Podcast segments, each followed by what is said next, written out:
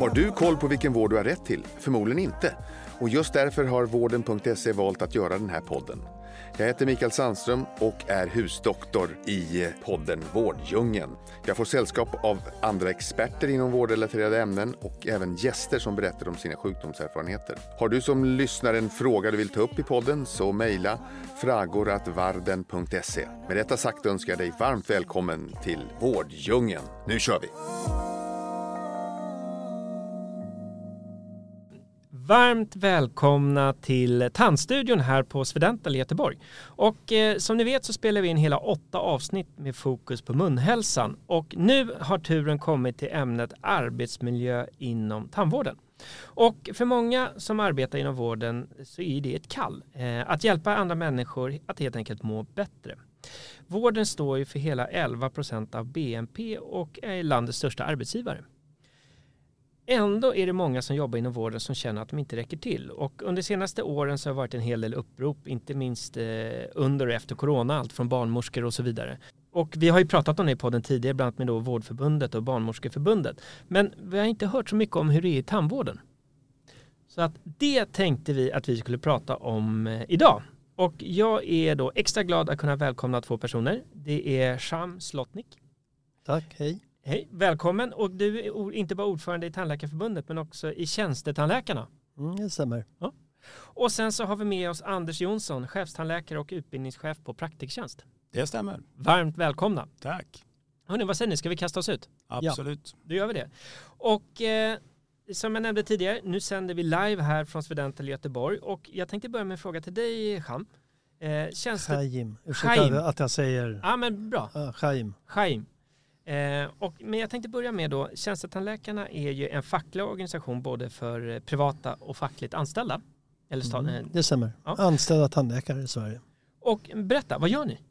Ja, sedvanligt fackligt arbete, säkerställer att, man, att det finns schyssta anställningsformer. Vi jobbar för bra arbetsmiljö. Bra anställningsförmåner. Inom ramen för anställningsförmånerna så finns lön, semester men också en vettig vardag med utvecklingsmöjligheter och eh, hela paketet kan man säga. Mm.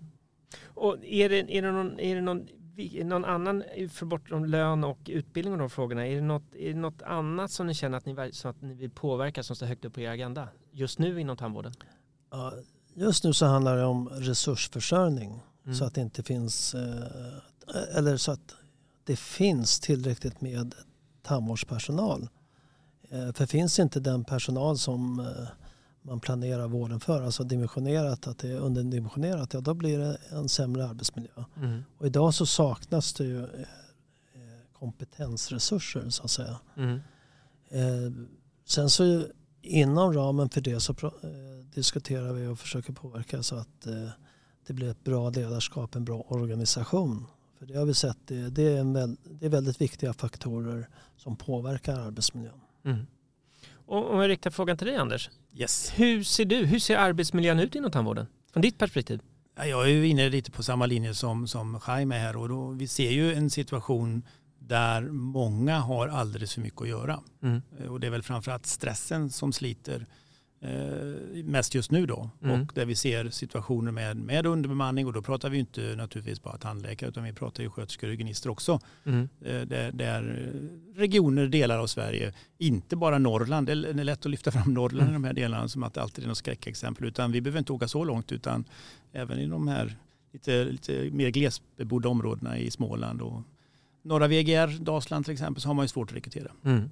Så att det är stress skulle jag vilja säga det största bekymret. Ser, ser ni någon skillnad genom eh, hur det är att jobba privat eller offentligt? Alltså, eh, jag tror att möjligheten att eh, vara var lite lättfotad på så sätt är anpassningsbar. Det är nog lättare i mindre organisationer än i stora organisationer. Eh, så tror jag. Man kan väl säga det att alltså, folktandvården har ju också befolkningsansvaret eh, i regionerna. Oftast i Stockholm är det lite varierat där. Men, men det innebär ju att då har man ju också just ansvaret att ta hand om alla. Mm. Eh, I en mindre verksamhet så kan man ju då, jag ska inte säga välja, men du tar ju hand om de patienter du har eh, på ett, på ett bra sätt. Och kan man inte ta emot fler patienter då gör man inte det. Mm. Men, men just i folktandvårdens fall så får man inte säga nej då. Mm. Men om vi tittar då utanför storstadsregioner där det är lite brist på resurs, resursförsörjning som du säger. Hur ser väntetiderna ut där? varierar ju väldigt mycket. Tittar man alltså i våra verksamheter... Stor så, fråga kanske? Ja, det är en jättesvår fråga. Ja. Tittar man i våra verksamheter så, så tar ju vi hand om våra patienter och de vi har. Mm. Eh, sen att få en tid och, och få, en, få en tid att komma till som ny patient, ja då kan det ju vara bekymmer. Mm. Om vi tittar på de här områdena som jag just sa innan. Då. Och det som Anders sa, eh, det är stor variation i landet. Mm. Det är stor, stor variation inom regionerna. Eh, men rapporter eller så säga, det talas om upp till fem års väntetid och det pratas om att nej, nu vi, sätter vi inte upp några fler på väntelistan. För man har så fullt med att ta hand om de som ska prioriteras först. Och det är till exempel akuta barn, akuta mm. vuxna, barn och sen särskilda grupper. Mm. Så då är det svårt att eh, få en tid i vissa regioner. Mm. Men det är väl också som du säger Chaim, det är viktigt att tänka också att inom regionerna är det också stora skillnader. Vi kan titta på Stockholm exempelvis och vi kan titta även här i, här i Västra Götaland där vi ser förortsområden där det är lika lång kö som det är i Norrland. Mm. Att det är inte ett Norrlands eh, bekymmer vi pratar utan mm. vi pratar ett, ett strukturellt bekymmer skulle jag vilja påstå. Mm. Det är lätt att jämföra, det har varit väldigt mycket debatter, speciellt när det har varit val, om att det behövs fler poliser. Mm. Hur många fler tandläkare behövs? Alltså det där är ju, det kan, man, det kan vi diskutera länge. Ja, det kan vi nog diskutera länge. Eh, alltså frågan är så här, eh, det finns sannolikt tillräckligt många människor i världen med svensk tandläkarlegitimation. Men vi vet ju att det bor flera hundra, kanske upp till tusen utanför Sverige som har valt att inte vara kvar. Mm. Fast de har en svensk tandläkarlegitimation. Eh, och samtidigt så ser vi att eh, vi har en befolkningsökning och jag tror nog att vi får nog krypa till korset någonstans och säga så här, ja det är en brist. Men eh, nationella planerings... Eh, eh, vad heter stödet. NPS, stödet heter mm. den, NPSen. Eh, visar ju att eh, det är framförallt brist på erfarna tandläkare. Mm. Mm. Och det är ingenting som man snyter i handen. Det tar fem år att utbilda sig. Så kanske det tar åtminstone fem år innan man har träffat på eh, olika patienttyper, patientbehandlingar och så vidare och sett vad man har gjort dessutom. Så det tar väl tio år mm. innan vi får de som är lite erfarna. Sen har vi också en demografi just bland tandläkare där vi har 20-25 procent som är äldre än 60 år. Mm. På grund av att det utbildas jättemånga i slutet på 70-talet och början på 80-talet. Och, vi, där jag själv befinner mig i den här gruppen då, mm. Eh, vi är fortfarande yrkesverksamma och har ju liksom levt med den här utvecklingen. Eh, och sen saknar vi många i 45-50-årsåldern och sen så är det då otroligt många unga kollegor som ju vill ha eh, god handledning när man kommer in i yrket och så. Eh, men backar vi tillbaka till frågan som du ställde så är det också så att det är ju lite grann hur man organiserar tandvården. Det är, inte, det är inte bara tandläkare som utför arbetet. Mm. Utan vi har ju också hygienister och vi har sköterskor. Och att sätta upp en organisation som då på, på smartast och bästa sätt kan jobba med patienterna. Det är ju där lite som Chaim var inne på också det här med ledarskapet eh, kommer mm. fram. Hur man organiserar verksamheten. Mm. Eh, går vi tillbaka till kanske 70-80-talet då, då var det en tandläkare, en sköterska i ett rum och så skulle man helst ha 25 patienter om dagen. Alltså så ser inte tandvården ut idag. Mm.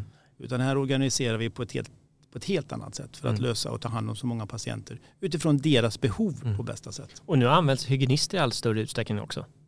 Ja, alltså, Eller? man kan säga... Ja, alltså så här, vi har haft hygienister ganska länge. Ja, ja. ja det är ingen, ny, det är ingen nej, nej, det är ingen ny företeelse, det förstår jag. Över 30 år så har vi haft ja. Eh, hygienister. Eh, och de är oerhört värdefulla, precis som alla andra i ett team. Mm. Så, med, med sköterskor och tandläkare. Mm. Det, det jag ser det, det är ju någonstans att eh, efterfrågan på eh, lite mer personcentrerad vård eh, har ju ökat och stigit. Mm. Eh, och det är ju oerhört positivt för du lär känna din patient, patienten lär känna dig. Man vet lite vad, vad funkar här och vad funkar inte. Mm. mm. Eh, å ena sidan. Å andra sidan så gör det att den här automatiserade delen av vården som man kanske kan då pressa ut lite luft ur systemet eh, och vinna lite tid. Ja, den är inte lika efterfrågad utan man, är efter, man efterfrågar sånt som faktiskt tarvar lite tid. Men jag tror samtidigt att det blir bättre. Mm. Ja men absolut. Sen ska vi också lägga till att vårdens innehåll har ju också förändrats. Eh, den typen av tandvård vi gör idag går ju inte att jämföra med den som vi kanske gjorde då just för, för 30 år sedan utan det är ju ett helt annat, ett helt annat innehåll och också en helt annan efterfrågan. Krav från patienterna på att man vill ha det ena eller det tredje och så. Mm. Och även utifrån ett professionellt perspektiv så vill ju vi också som tandläkare utvecklas i vår roll såväl inom odontologin som vårt, vårt ledarskap. Mm. Vilket är spännande såklart. Mm. Att, att sitta still i båten det gagnar ju ingen. Nej. Och om, om vi går tillbaka till ämnet, eh, eller rubriken som då, med arbetsmiljön. Om, om ni tittar på, finns det några speciella områden där ni ser att arbetsmiljön kan förbättras? Ja, det, det som jag då sa, det blir en ledarskapsfråga. Eh, mm. De anställda tandläkarnas möjlighet till delaktighet och påverkansmöjlighet. Mm. För att, och då, då handlar det allt ifrån schemaläggning, vem man ska arbeta med. Det, det handlar om hur man ska omhänderta patienter. Mm. Eh, så det handlar här tror jag om en, en eh, tvåvägskommunikation mellan medarbetare och eh, de, de olika typerna av ledarskap som finns inom, inom tandvården. Och om vi tittar utanför vår eget lands gränser, finns det något land som ni tycker sticker ut som man kanske skulle kunna ha som förebild för det här, som har kommit eh, kanske ännu längre än vad vi har gjort inom det här området? Du Finns tänker, det någon sån? Du tänker på ledarskapsdelen eller ja, tänker du på mindre stress? Nej men, nej men, när ni pratar om det här med just arbetsmiljön som begrepp inom, finns det något land som i någon undersökning eller så vidare, eller som ni själva har lite som referens? Alltså jag skulle ändå säga att om vi tittar på, på Norden och vi tittar på Nordeuropa överhuvudtaget så är ju tandvården eh, ungefär på samma sätt organiserad. Mm. Eh, och vi försöker lösa uppgifter. Sen, sen ska vi inte sticka under stol med heller att politiken är ju inne och petar Eh, genom någon form av tandvårdsförsäkring, tandvårdsstöd mm. Eh, och som då också sätter vad ska vi säga då, markörer i hur vi ska göra och hur vi ska utföra arbetet. Och här varierar det då väldigt mycket mellan mm. olika länder. Eh, men, men utifrån ett privattandvårdsperspektiv så ser nog arbetsmiljön ungefär likadan ut i Nordeuropa skulle jag vilja påstå. Mm. Och det, det, är jättesvårt för att vi har ju regelbundna kontakter med både Norge och Danmark. Jag träffar även Finland och Island Mm. Samt de övriga inom eh, den europeiska Council of European Dentist. Eh, jag tror nog att vi har det väldigt bra eh, på helheten här i Sverige. Det skulle jag också mm. vilja säga. Skulle också vilja säga. Men, samtidigt, och det är precis som inom tandvården, förut så var man glad att man hade någonting som såg, som såg ut som tänder. Och så glappade det, det kallades helprotes. Sen så mm. fick man någonting som eh, satt fast och sen så ville man att det skulle se, se snyggt ut. Alltså man förskjuter ju hela tiden eh, sina eh, krav. Mm. Så vi har ju, och det är bra. De estetiska kraven blir ja, ja, ja, ja. utpräglade. Ja, det, ja, det har blivit en förskjutning åt det mm. hållet. Men, men, men, samtidigt så tror jag att eh, det kommer tillbaka lite frågor om, om hälsa. Mm. Det har ju pandemin visat nu att man, man är mer intresserad av hälsa och, och man förstår nog att ett litet bekymmer kan bli ett stort problem om man inte omhändertar det i tid. Mm. Sen betyder det ju inte att bra inte kan bli bättre. Nej, så är det också. Mm. Så är det definitivt och jag vill nog ändå påstå att, att utifrån ändå då de erfarenheterna du och jag har från många år i yrket så, så har det blivit bättre. Mm. Men det betyder ju inte att det kan bli ännu bättre. Finns det några skillnader om man, i ett arbetsmiljöperspektiv om man tittar på de olika, ja, men så, tandhygienister, sköterskor och tandläkare? Skiljer sig någonting åt där? Alltså i grunden så är det ju, eh, har man ju samma behov. Det är inte så att man har en annan arbetsmiljö för tandläkare utan det är en gemensam arbetsmiljö. Men det är klart att tandläkaren i viss mån leder och fördelar arbetet på rummet. Mm. Eh, och har då eh, att spetsa öronen och, och, låta de andra vara delaktiga och lyssna in deras behov. Eh, så där har ju tandläkarna en en fördel. Eh, samtidigt som man då är då klämd från andra hållet och eh, ska göra det som arbetsgivaren säger som arbetsgivaren som leder och fördelar det övergripande arbetet. Och det är ju lite skillnad om man tittar att man driver en mindre verksamhet som, som exempelvis våra verksamheter i praktikertjänst. Då.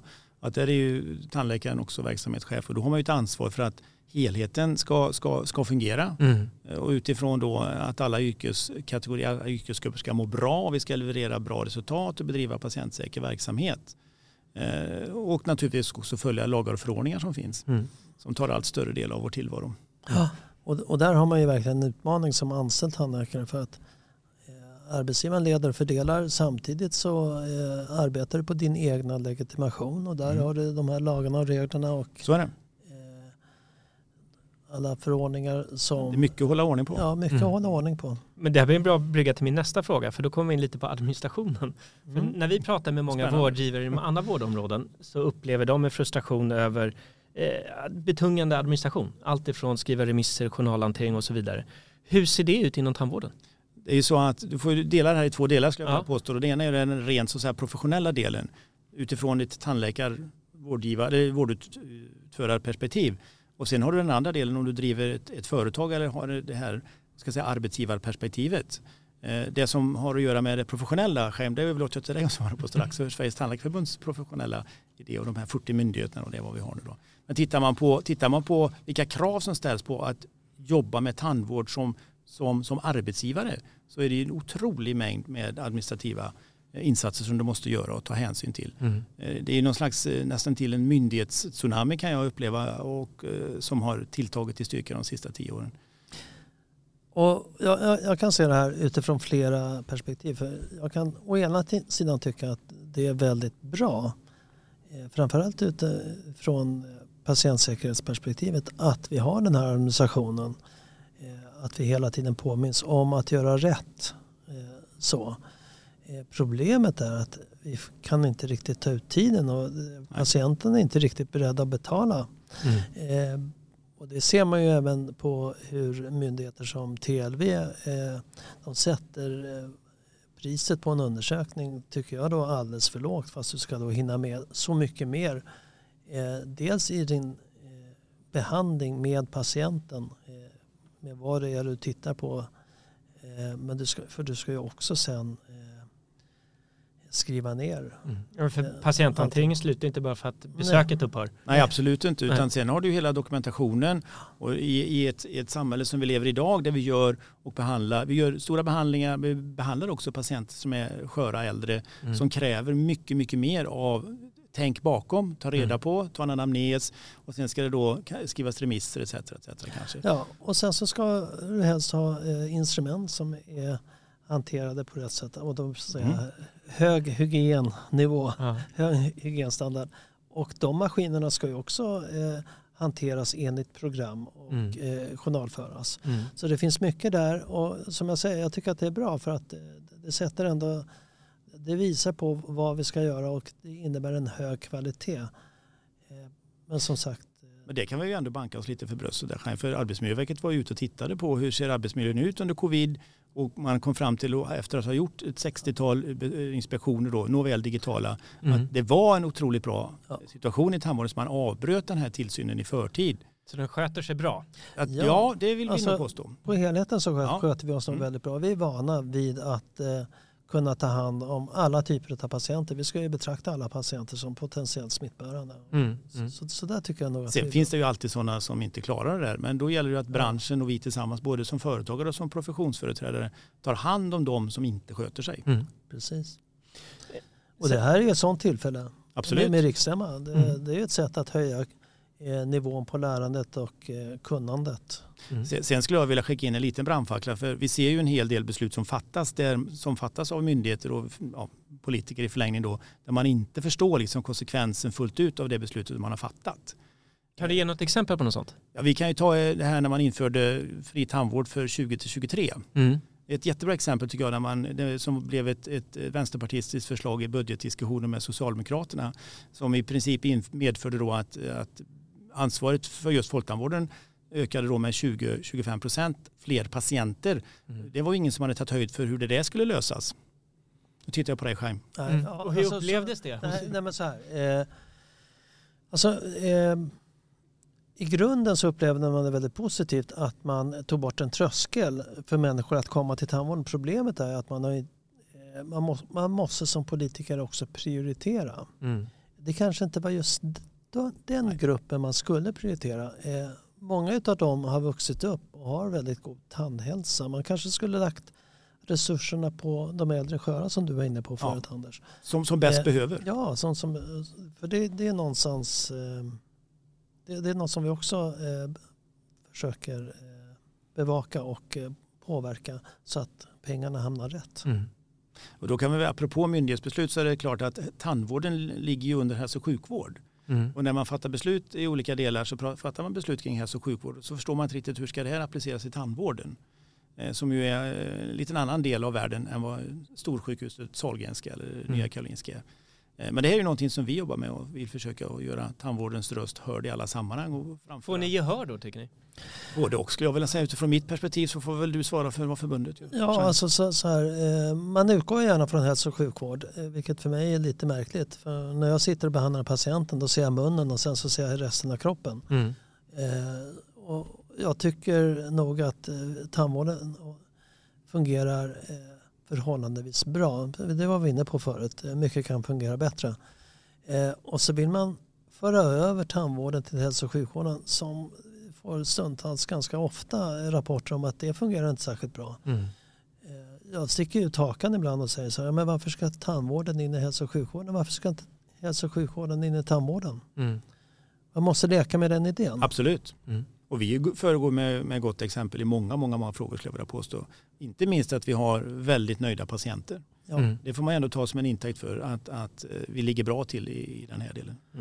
Och utredningen Jämlik tandhälsa som kom 2018 visar ju också på att eh, den blir mer och mer jämlik. Mm. Även där har vi en väg att gå, men vi är på rätt väg. Mm. Om vi tittar på en annan aspekt av arbetsmiljön så, är det, så har vi fått berättat förut att det är ju väldigt högt tempo att jobba som tandläkare. Som du sa, det, är många, det är många patienter som ska behandlas. Och eh, då har vi förstått att ergonomin kan ju vara en utmaning inom det här också. Ja. Och hur, hur arbetar ni för att, för att förbättra den situationen inom ergonomi? Jo, men det, det är som jag sa, eh, man måste först och främst säkerställa att man har eh, den personaltillgång som eh, vården någonstans kräver. Eh, man, man kan inte sitta och göra samma jobb eh, med samma antal patienter som det är planerat för om inte hela teamet är på plats. Nej. Det är liksom en, en grundfråga. Sen så måste ju systemen eh, och verktygen som man har till sin hjälp vara anpassade efter den typ av verksamhet som man har. Och jag pratar alltså om den digitaliserade journalen och eh, hur den fungerar. Eh, den ska ju vara till stöd. Eh, den ska inte bara vara användbar på så sätt som att, så att man får ut det som man någonstans klickar in. Utan den ska vara användarvänlig också. Sen är det väl också så att du ska ha vettiga arbetstider. Eh, Du ska ha rimliga arbetsvillkor, det ska finnas eh, friskvårdsbidrag, du ska ha möjlighet till eh, att kunna gå och träna. Så det gäller ju att ta hand om sig. Mm. Och där har vi ju som schemat som jag sa. Det är oerhört viktigt att veta och anpassa det lite grann. Har du någon som åker väldigt långt ja, då kanske inte de tidigaste tiderna eller senaste tiderna är så lämpliga för just den medarbetaren. Mm. Det handlar om att vara lite lyhörd som arbetsgivare. Och sen, normalt så brukar det vara väldigt mycket studenter här på, på Swedental. Men nu vet jag att avgångseleverna skriver ju tenta idag så att nu är det som tur är inte så många här. Men ni kommer ju säkert stöta på många studenter under dagarna här. Och om, vad har ni för tips att ge dem, själv, ge dem då för att kroppen ska hålla ett helt eh, yrkesliv? Se till att skapa bra eh, förutsättningar redan från början. Eh, Välj en arbetsgivare som kan presentera en bra vardag för dig, bra handledning och se till att du kommer in i yrket på ett, på ett, på ett bra sätt. Och att du dessutom har det här teamet eh, kring dig då som vi sa förut. Finns det inte förutsättningar för att kunna få god assistans och kunna få goda terapiplaneringsmöjligheter etc. Mm. Alltså då blir man ju stressad. Mm. Och stressen i sig är ju, vill jag, jag återkommer till det, det är ju det klart, den klart största faktorn och det största problemet vi har. Och du som utbildning... Ja, förlåt. Eh, Och jag menar att allting i vår tillvaro handlar om relation och balans. Mm. Eh, relationer mellan människor, relationer mellan människa och eh, maskiner. Till Mm. exempel en balans, balans handlar ju då om, om att du ska ha balans mellan eh, de krav du har och de möjligheter du har att utföra dem. Mm. Och då, då är det ju ändå så här att ska du då, eh, apropå utbildning då som du precis sa att vi skulle kunna komma Ja, på men det var det jag tänkte, Ja, hur, ni jobbar, hur, hur du ser till att det här kommer in i utbildningen hos er. Vi, vi jobbar ju stenhårt med från Praktikens sida då att vi vill, vi vill verkligen att verksamheten ska förstå att det viktigaste instrumentet de har i sin verksamhet för att skapa en god arbetsmiljö med lite stress det är ju tidboken. Mm. Att ha möjligheter att ha och styra över din egen tidbok. Så att du sätter upp de tider som, som krävs för att genomföra behandlingarna. Det går Mm. inte att lösa liksom två saker samtidigt. Mm. Du kan bara göra det du ska göra på den patienten vid det tillfället. Och att då planera tidboken utifrån det. Mm. Så att man inte springer fram och tillbaka. Det, det finns liksom ingen, man, det är ingen som, som, som vinner för att man har haft flest patienter utan vi vinner när vi har god patientsäkerhet och stressfri arbetsmiljö. Du nämnde tidigare att för 20-30 år sedan så hade man 25 patienter om dagen. Då, men då ska vi också... Ja, men, ja, man kan det, inte jämföra det det, det, det, förstår kan jag. man inte göra riktigt. Men, och då ska vi bara säga det att det var mycket mer att man hade fler patienter för men då gjorde vi också inom citationstecken enklare behandlingar. Mm. Alltså mycket amalgamfyllningar tog inte alls lika mycket tid, krävde inte alls lika mycket omsorg om hur du preparerar och hur du sätter din matris etc. etc. Och sen, sen gjorde vi då kanske enklare typer av protetiska konstruktioner. Nu gör vi ganska avancerade mm. konstruktioner, implantatbaserade och så vidare. Så, vidare. så visst är det så att det är en, en otrolig skillnad. Det går inte att jämföra. Nu ser jag, du ska ha, ha ett öppningsanförande snart va?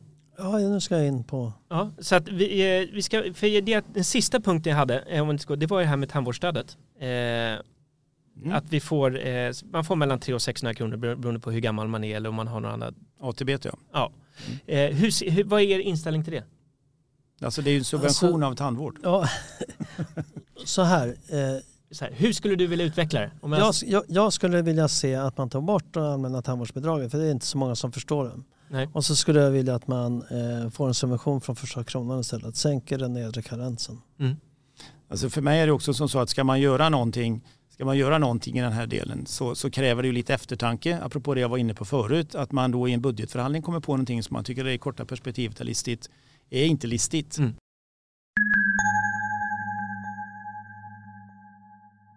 Ska bara berätta vad som hände nu. Det var ju att riksstämman, riksstämman ska ju öppnas. Och öppningstalen var tvungen att lämna. Jaha. För att hålla anförandet. så, det, det, var, det, blev en signal. Så, Chaim, han, han var tvungen att gå. Chaim sprang. Ja, Chaim sprang. Så ja, men, vi, men vi fortsätter. Då kan jag ju få bestämma själv. Ja, ja, ja, ja, ja.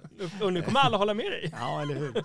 Nej, men det här med hur man ska utforma en, en, ett tandvårdsstöd som på något sätt alla skulle vara glada för. Ja. Jag tycker det är viktigt att ta med sig från början att tandvårdsstödet som vi har i eh, Sverige är ett allomfattande stöd mm. som alla mm. medborgare eh, över 24 år och mm. uppåt kan ta del av. Det skiljer sig ju från, från hur det ser ut i, i många andra länder där det kanske finns fantastiska stöd fast bara för en liten del av befolkningen. Mm. Eh, sen finns det ju alltid synpunkter på, det är ju det här den politiska delen kommer in då. Mm. Hur, hur mycket och hur stor del av den tandvården som medborgaren erhåller ska vara subventionerad av staten. Mm. Och då är det ju en fråga om hur mycket pengar har staten att vill staten stoppa in i tandvården. Och sen så tror jag det viktiga andra del det är det som händer med högkostnadsskydd och så vidare mm. sen också. För det tror jag inte många har någon aning om. Generella bilden om man skulle ut och fråga folk på stan så kan det vara ganska dyrt att gå till tandläkaren. Men det finns ju hjälp att få också. Ja, sen är ju frågan vad är dyrt? Det, är, det, ja, liksom, nej, det, är, det är en subjektiv det, fråga. Ja, ja. Eh, tittar man på vad är mediankostnaden för tandvård i Sverige så ligger den någonstans 1800 kronor per år. Mm. Eh, och det kan man ju diskutera om det är mycket eller lite pengar. Det är mm. utifrån ett, en, en, det får man göra en egen subjektiv värdering såklart. Mm. Eh, tittar man på hur många som gör stora behandlingar, mm. över 15 000 referenspris så ligger det någonstans på 65 000 patienter i Sverige per år. Mm. Vilket ju inte är en jättestor summa, eh, alltså antal patienter. Sen kan det ju i enskilda fall bli ganska dyrt. Mm. Eh, och då lite som vi var inne på förut, att ska man använda pengarna och den begränsade summan som finns, då ska man ju faktiskt använda det till den som bäst behöver. Mm. Och det kanske inte är då att ge gratis tandvård till 20-24-åringar, eller 20-23 om vi ska vara helt rätt. Och om vi, om vi blickar framåt då och du skulle få välja tre saker som, ska, som du hoppas genomförs inom en, en mandatperiod. Du tänker politiskt alltså nu? Då? Ja, nej, men nu tänker jag mest kopplat till arbetsmiljö. Liksom tre, tre initiativ som genomförs eller förbättringar. Vad skulle du vara nöjd med? Vad jag skulle vara nöjd med? Jag skulle vara nöjd med om vi får en bättre regional fördelning av hur tandvårdens resurser ser ut. Får en mm. mer jämlik tandvård. Eh, det gäller ju både inom och mellan regioner. Eh, vidare så tycker jag också att vi ska se till att vi ökar på utbildningen av både tandhygienister och eh, tandsköterskor. Mm. För att kunna få en dräglig arbetsmiljö för, för samtliga inblandade. Eh, lite som Chaim var inne på förut när det gäller tandläkare tar ju det lite längre tid. Mm. Eh, nu är det ju så att Jönköping eh, håller ju på och ansöker, har en ansökan inom att få dra igång tandläkarutbildning. Mm. Det kommer att bli ett beslut här nu före jul. Eh, och jag, jag, min, min Klarar man av kraven som UKÄ ställer på hur en tandläkarutbildning ska se ut, vilka resurser som ska finnas när det gäller nivån etc. etc. Så klarar man det nålsögat så tror jag att det är väldigt få politiker som kommer att säga nej till att det utbildas fler tandläkare i Sverige. Mm. Eh, utifrån hur, hur det ser ut nu att det saknas många tandläkare. Sen, sen den tredje så tror jag också det är viktigt att vi har en bättre bild av hur utnyttjar vi resurserna lite som jag var inne på som punkt ett. Då. Ja, ja, ja, vi, styr och ställer över Sverige. Men det är också viktigt att ta reda på hur ser den här numerären på 8200 tandläkare, alltså hur mycket jobbar de här personerna? Mm. Det är ungefär eh, 900 specialister och då av de här 8200. Mm. Men vad gör man på sin vardag? Hur mycket vill man jobba? Mm. Vi får ju signaler att nej, man orkar inte jobba 100% längre. Mm. Man jobbar kanske 75-80%. Eh, Man lämnar yrket Mm. därför att man är desillusionerad. Man får inget stöd, man får ingen handledning. Alltså det är massor med, med saker som idag ser helt annorlunda ut för en 35-årig tandläkare jämfört med hur det såg ut när jag själv var, var eh, 35 år för Mm. eh, ja, snart 30 år Det är inte länge sedan. Nej, det är inte så länge sedan. Så det, det håller på att förändras. Va? Ja, Hela arbetslivet håller på att Mm. förändras. Så att här, behöver vi vara, här behöver vi bli duktigare på eh, att ta reda på hur, hur ser marknaden ut idag? Vad vill man och vad vill man ha framåt Mm. för att få en bra arbetsmiljö? Jag tycker det får bli lite så avslutningsord för det här samtalet. Mm. Och får rikta ett stort tack. För att ni båda kunde vara med. Eller hur? Ja, Och en gick och en sprang. ja men eller hur. Men jättestort tack att ni kunde vara med. Tack. Tack själv.